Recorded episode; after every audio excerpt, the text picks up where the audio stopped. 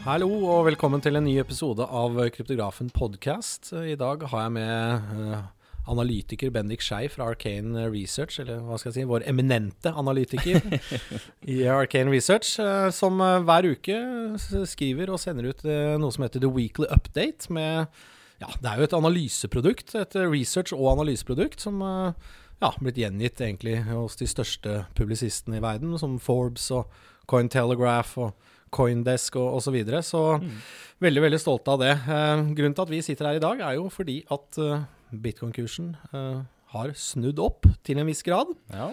Eh, så hvis vi bare starter helt sånn litt sånn enkelt Den eh, eh, altså bundet ut er jo altså, litt problematisk å bruke sånne definisjoner, men den snudde i hvert fall i underkant av 8000 og ligger nå på 8600. Og det, vi merker jo at det er en litt mer sånn optimisme der ute blant uh, hvert fall de, de man følger på sosiale medier og i analyserapporter. Hva, hva tenker du rundt eh, det som har skjedd den siste uken? Nei, det var jo ligget stille en god stund nå, siden det brutale fallet fra 10 000. Men uh, så er det mange som ble positive nå når prisen snudde opp. fordi det var jo veldig mange som snakket om at ja, nå skal vi ned på 7000 og 6000. Og selvfølgelig, det kan jo fortsatt skje, men akkurat den siste uken, eller denne uken, så har det jo vist seg at vi har bumpet litt opp igjen. Men, Men eh, fordi man snakket om støttenivåer på både 7000 og 6000. Ja. Hvor, hvor er det du har på en måte sett eh, på dine tekniske nivåer? Hvor Snudde den der den burde ha snudd? Eller liksom, hva- hva så du som støttenivå på nedsiden her nå? Siste dagene av uken. Ja, eller jeg har jo på en måte sett på et område Jeg har jo, som jeg tror jeg var i forrige uke-rapporten, skrev at ned mot 7005 kan være sannsynlig, for der er det et eh, ganske tydelig støttenivå.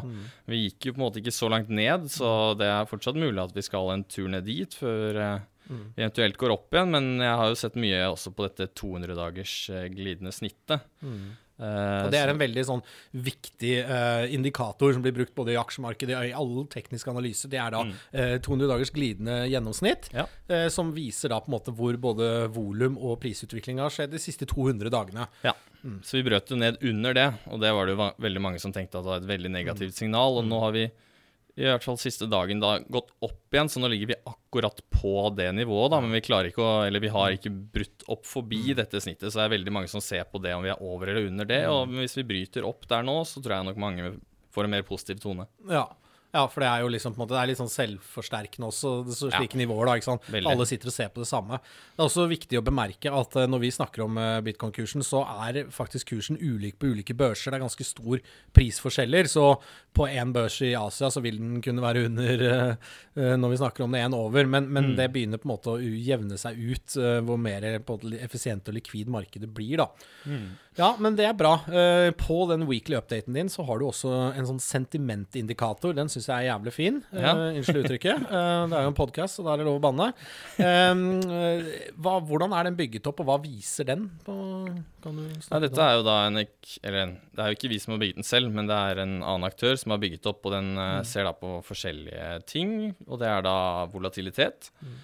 Eh, egentlig endringene der. Og så ser de også på volumendringer, og så hvordan eh, endringene er i sosiale medier. Twitter-analyse, se hvor mange som skriver om bitcoin og Ja, for man kan måle hvor mange ganger bitcoin blir nevnt på Twitter. Det er jo enkel søkealgoritme, på en måte. Ja, også hashtags og Ja. sånne ting. Ikke sant? Aktivitet Eh, der. Og den har vært fallende. Den har vært fallende, Ja. og det har vært fallende siden eh, egentlig den toppen i sommer. Så det Ja. har jo på en måte fulgt eh, prisen sånn sett. Men eh, Og så har de også en undersøkelse da, hvor de intervjuer 2000-3000 personer i uken og spør typiske spørsmål. Vil du kjøpe nå? Hvilken, hvilken markedssyklus tror du vi er i nå? Så det er en liten andel. Og så ser de også på eh, markedsdominansen til bitcoin som en liten andel, og også da trendene, sånn som eller Google Trends, da. Se på søkingen, søk relatert til bitcoin. Ja.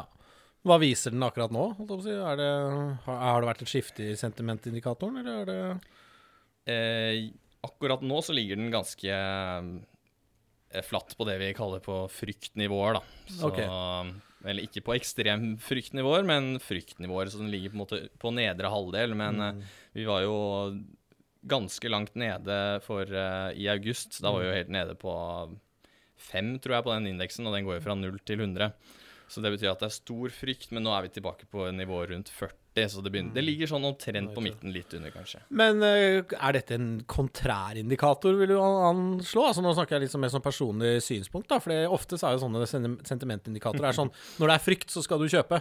Når det er greed, så skal du selge, på en måte. Eller hva? Ja, nei, det er jo det veldig mange peker på, at når det er mye frykt i markedet, så gå ut og kjøp. Og når det er eh, veldig Når folk er Mm. for bullish, så må man kanskje tenke på å kutte litt ned på posisjonene sine. Og hvis det er nøytra litt sånn eh, nesten nøytralt sånn som nå, så er det lite man egentlig kan gjøre. Ikke sant? Ja, jeg skjønner. Greit. Eh, Du snakket litt om volatiliteten. Eh, Hvordan måles det, og hva har utviklingen vært på bitcoin nå? Har volatiliteten falt, eller har den økt? Ja. Volatilitet, slik jeg forstår det, det måler jo også er en fryktindikator, på en måte. Høyere Ja. volatilitet og mer usikkerhet. Mm. Ja. Det er jo egentlig Man ser på variasjon i prisen. Mm. Og den i rapporten så bruker vi jo snitt de siste 90 dagene. Mm. Eh, og det har egentlig falt eh, ja, siden i sommer. Mm. Og eh, har bundet ut eh, Tror det var i forrige uke, og bumpet jo selvfølgelig litt opp igjen etter det brutale fallet vi så. Men eh, det ligger ekstremt lavt i forhold til nivåene i sommer. Og det er jo, har jo på en måte vært ganske rolige bevegelser i bitcoin-prisen nedover mm. siste månedene, så det er naturlig, det. Men det er, jo, det er jo et positivt tegn, på en måte, for det er jo volatilitet er jo en av de store ankepunktene mot bitcoin. Å Mm. investere i det, holde penger i det, trade det osv. Så, videre. Mm. så Så det er jo Men så ser vi f.eks. sånn i aksjemarkedet også, så har jo på en måte volatiliteten egentlig vært fallende i sånn nesten ti år. Siden finanskrisen så har det vært veldig sånn jevnt. snitten Snittene har blitt lavere og lavere, da. Men det har kanskje noe sammenheng med liksom eh, institusjonalisering da, gjennom sånn passive fond og ETF-er og sånn, da. Det var litt sånn side-greie. Men eh, i et normalt, sunt marked som eh, modnes, så vil volatiliteten over tid falle, da.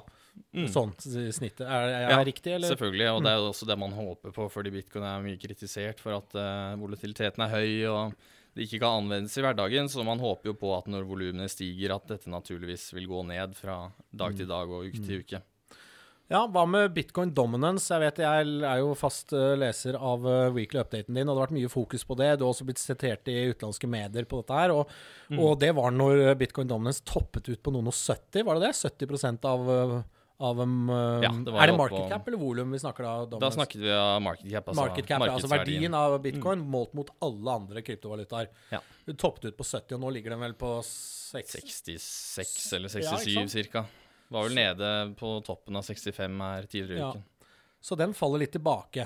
Og det betyr at eh, de betyr andre øker, type Ethereum og Mm, du ser at Ethereum og også XRP til Ripple har jo hatt en fin stigning de siste ukene, så det er jo selvfølgelig mange håpefulle som eh, har lyst til at det skal komme en ny eh, sesong for disse altcoinsene, og at eh, de skal få en ny reise, fordi de har jo hatt en ganske brutal mm. negativ reise siste tiden, og siste to årene. nesten. siste to årene, kanskje. Så, nei, så den har falt litt ned fra toppnivået på 70, og vi får jo se. Det er jo lenge siden vi har vært så høyt som 70, og det er på en måte når den snur, så er det en indikasjon på at de andre ikke bitcoin gjør det At de gjør det bedre enn bitcoin. Så, Men vi snakket jo litt om det med Torbjørn sånn før vi gikk inn her i studio, da, og at altcoins eh, liksom er et veldig dårlig begrep, egentlig, fordi det omfavner for bredt.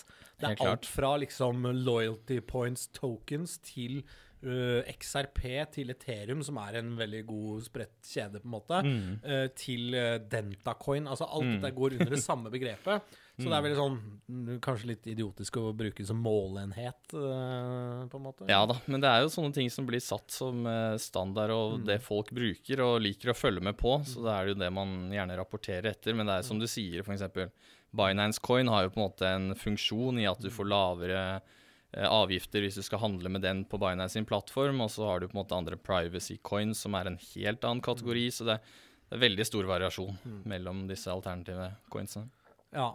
Så hvis vi skal avslutte litt sånn eh, prisdiskusjonen rundt eh, bitcoin før vi går over på litt sånn eh, nyhetsbilde, da.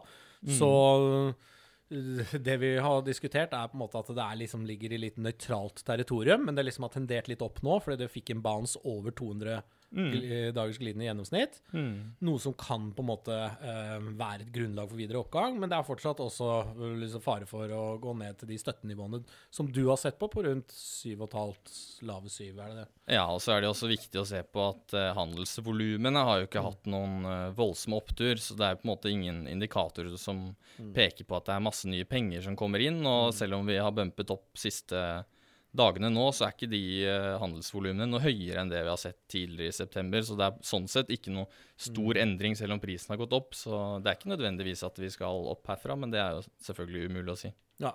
ja, men det er bra. Ellers så er det jo da en sånn evig historie rundt eh, eh, om en mulig en eller flere bitcoin-ETF-er i USA. En ETF det er noe som heter Exchange Traded Fund. Det betyr at du kan gå Det er listet på børsen, du kan bruke din nettmegler eller bank og handle det på vanlig lav kurtasje. Og det er under eh, tilsyn av SSI og alle reglene som en børs innehar, da. Så det er jo et kvalitetsstempel. Så er det jo mange da i krypto-community som ønsker da at bitcoin skal komme bitcoin ETF. Det betyr jo da at eh, Gud og hvermannsen, fra alt fra retail til fond, kan kjøpe dette her. eh, uproblematisk. Eh, de tror jo da at det vil ha en positiv innvirkning på, på bitcoin-kursen. Um, Ja, dette er jo spesielt fordi disse ETF-ene man snakker om nå, skal være backet av bitcoin. Så så de, at de må holde- kjøpe det inn mm, de må for å holde verdien. det, ikke sant? Mm. Så, men eh, ja, jeg går litt tilbake til det jeg alltid har sagt, at det, det er ingen av de nye tingene som er introdusert her som være prisdrivere, så fremt ikke det er noen helt nederst i næringskjeden som mener at det skal opp, og setter det bettet. For en ETF kan jo bli launchet med 52 millioner dollar i, i notional, si, altså det de har. Ja. Og så, det ingen så gjør de ikke noen nye emisjoner, så er det bare det som står der, og da har det jo ikke noe effekt. Det er jo Nei. sånn som eksempel S&P, eh, den der SPY-en som emitteres hele tiden, som bare blåses opp av nye penger som kommer inn. Ja. Det, det er jo prisdrivende, mens, eh, mens det må faktisk være et bull case i bunn, da. Ja da. Så det er, Det er på en måte mange som har ventet på dette og håpet at dette liksom vil drive institusjonene inn i eh, bitcoin og en, liksom en tryggere vei inn. Så det er jo mange håpefulle som håpet på at det skulle komme igjennom nå. Og det har jo på en måte De søkte jo Ja, bare for Ja. å rote tilbake. Vi, nå snakker vi om Bitwise ETF, som i går ble brutalt avvist av SSI. De, det, det, er det. flere som søker. Det er Vanek uh, og den tredje, Bitwise, og så en til. Ja, en Ja. til som har kommet, men ja, det er, det er tre stykker, men i hvert fall Bitwise sin ble avvist i går. Derfor snakker vi om det nå. Mm. Og eh, du leste jo på en måte det avslaget og sånn, men hva, hva er det liksom de Hva er det de ikke liker? Hvorfor blir det ikke akseptert? generelt sett?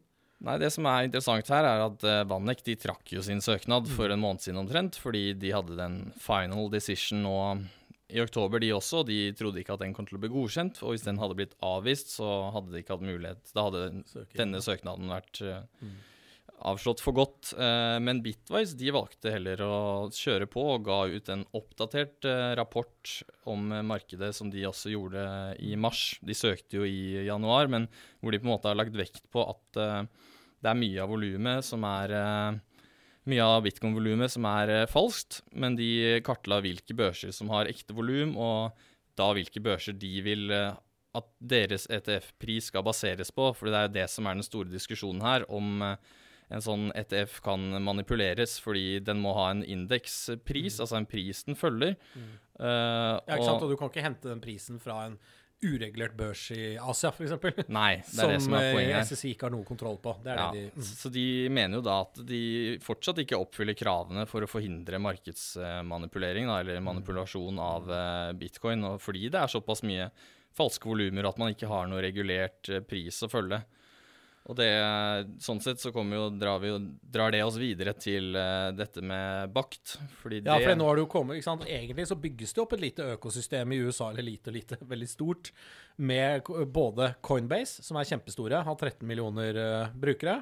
Uh, du har CME, Chicago Mercantile Exchange, der du kan handle futures, og nå Bakt, der du kan handle futures med fysisk levering eh, overnight. Så i gjennom dette så må det jo på en måte til slutt komme et, um, en referansepris som, uh, som en ETF kan måles mot. eh, Mhm. Liksom. Og de håpet jo at det Eller man håper jo kanskje at Bakt skal bli den referansen, siden Ja. det er en regulert plattform, men uh, Men hva er det som skjer på Bakt om dagen? For de launchet for en uke siden, var det? Ja, nå er det vel gått to og en halv uke siden, Ja, kanskje. og en halv, Men, sorry. Men ja, det som vi så der, er at det har jo åpnet uh, veldig lavt, rett og slett. Det har vært uh, små volumer. Det Første uken så var vi vel uh, over ca. 600 bitcoin som var handlet den første uken. Eh, mens den andre uken så falt vel volumet ca. 50% Og nå er vi inne i den tredje uken, men vi så jo i går at Bakt faktisk fikk sin beste dag målt i volum, da. Og da har vi vel gått over 220 bitcoin eh, handlet, eh, eller vekslet eh, hender den dagen, da. Så det er vanskelig å si. Det har startet forsiktig, men det er jo sånn Det hadde vært veldig rart om alle som nå vurderer å komme seg inn på en regulert markedsplass, gjør dette fra første dag. Det er vel kanskje mer naturlig at man ser at denne er i gang, og begynner å diskutere innad om vi kanskje skal vurdere å ta posisjoner på denne plattformen. Ja, Det handler jo i stor grad om mandater òg, da. Så ikke sant? Ja, ikke Fond har jo mandater på renter eller aksjer, eller, og ulik fordeling mellom de to. Så plutselig komme til investeringskomiteen og sier at du, vi skal sette 5 ja. i digitale valutaer, det, liksom, det må gjennom en prosess, da. Helt klart. Og så må det selvfølgelig være et investeringscase. Det må jo være sånn OK, eh, nå kommer det til å stige det neste året, derfor skal vi gå long, f.eks. Eller nå kommer det til å falle. Man må jo måtte ha et syn, da. Man, går Mm. ikke, man eksponerer seg jo ikke bare for, å, for, for moro skyld.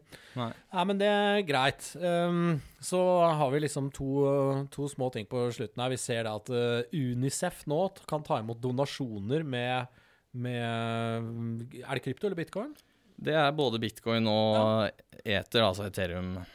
Det er for jeg, Vi ser jo det at liksom, Du har jo også skrevet om, um, om uh, Premier League, fotballklubben Watford, som liksom, der du kan kjøpe billetter og T-skjorte med bitcoin. Og vi ser at Benfica i Portugal har vært tidlig ute, og nå var det da Sacramento Kings som skal lage egen token. Og det er en del sånne, både i organisasjonslivet og idrettslivet, som, som beveger seg inn på det.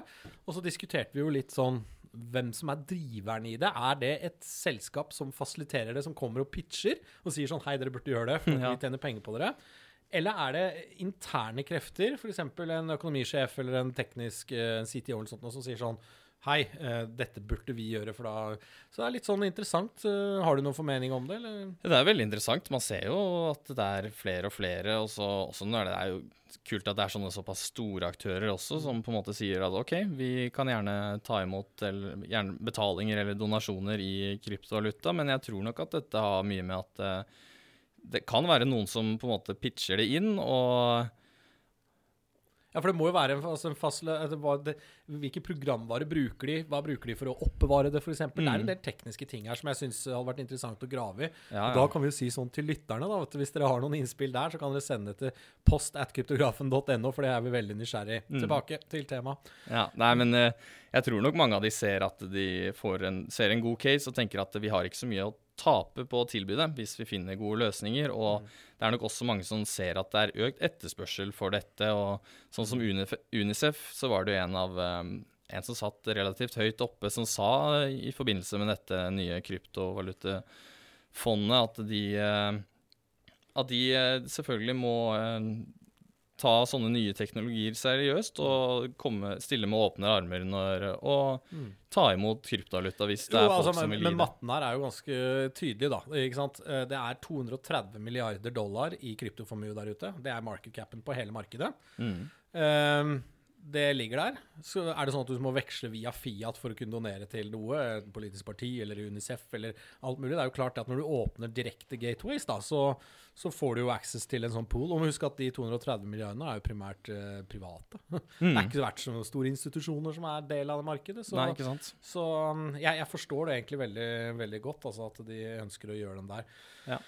Ja, nei, men det er bra. Eh, vi ser i hvert fall en, en artig adopsjonsstory her. At eh, det er flere og flere organisasjoner og, og sportsklubber og selskaper som begynner å se på ulike løsninger her. Og, um, men eh, når det gjelder investeringen, så må det, må det komme et, et klart liksom, kjøpsignal før, før det stiger videre. Og det har vi ikke sett ennå, ref den diskusjonen vi hadde i stad. Det er liksom litt nøytralt nå, vil du si det? Ja, det er litt nøytralt, og så det er nok mange som venter på som, som sitter på gjerdet og venter på at noe skal skje, fordi det har på en måte vært relativt rolig, kan du si, siden sommerens eh, topp. Ja, men det er bra. Da takker vi for oss, og Yes. takk for deg. Så høres vi veldig, veldig snart. Ha det bra.